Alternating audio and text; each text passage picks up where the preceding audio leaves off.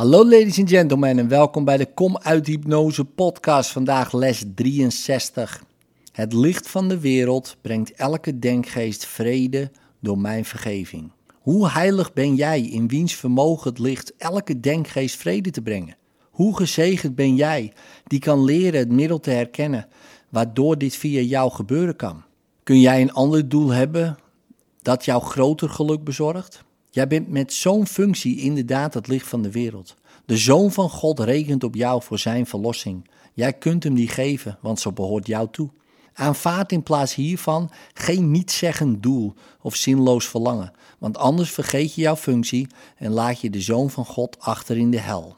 Het is geen loos verzoek dat jou hier wordt gedaan. Jou wordt gevraagd verlossing te aanvaarden, zodat jij die kunt geven omdat we het belang van deze functie inzien, zullen wij onszelf er vandaag heel vaak met vreugde aan herinneren. We zullen de dag beginnen met de erkenning hiervan en de dag eindigen met de gedachte hieraan in ons bewustzijn.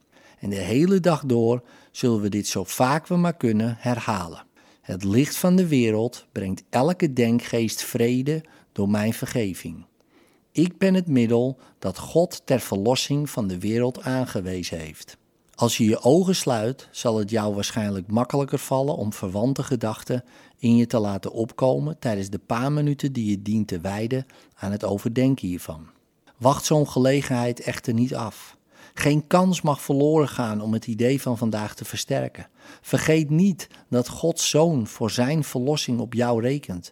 En wie anders dan jouzelf kan zijn zoon zijn. In liefde, tot morgen.